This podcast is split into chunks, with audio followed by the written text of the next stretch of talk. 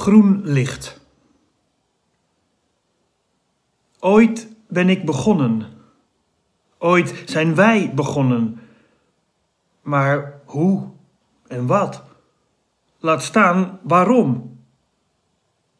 Een mens weet niet dat hij wordt geboren. Een vogel ziet zichzelf niet als hij vliegt. Over hoe en wat, waarom, waartoe zijn er verhalen. Verhalen van de bron.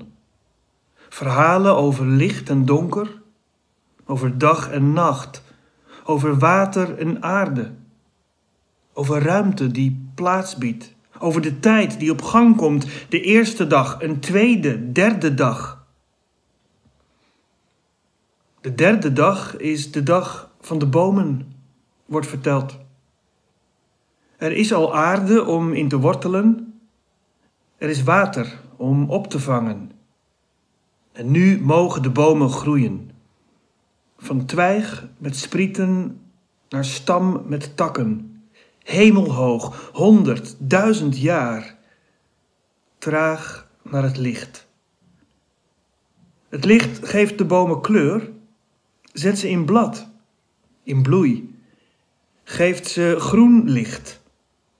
En de bomen maken van dat licht weer kracht. Groene kracht stroomt door hen heen en geeft lucht. Adem.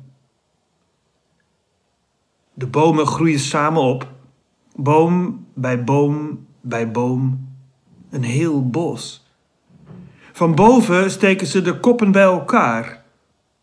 Onder de grond is er een wortelnet. Bomen zijn met duizenden draden verbonden. Ze voeden elkaar in een wood wide web.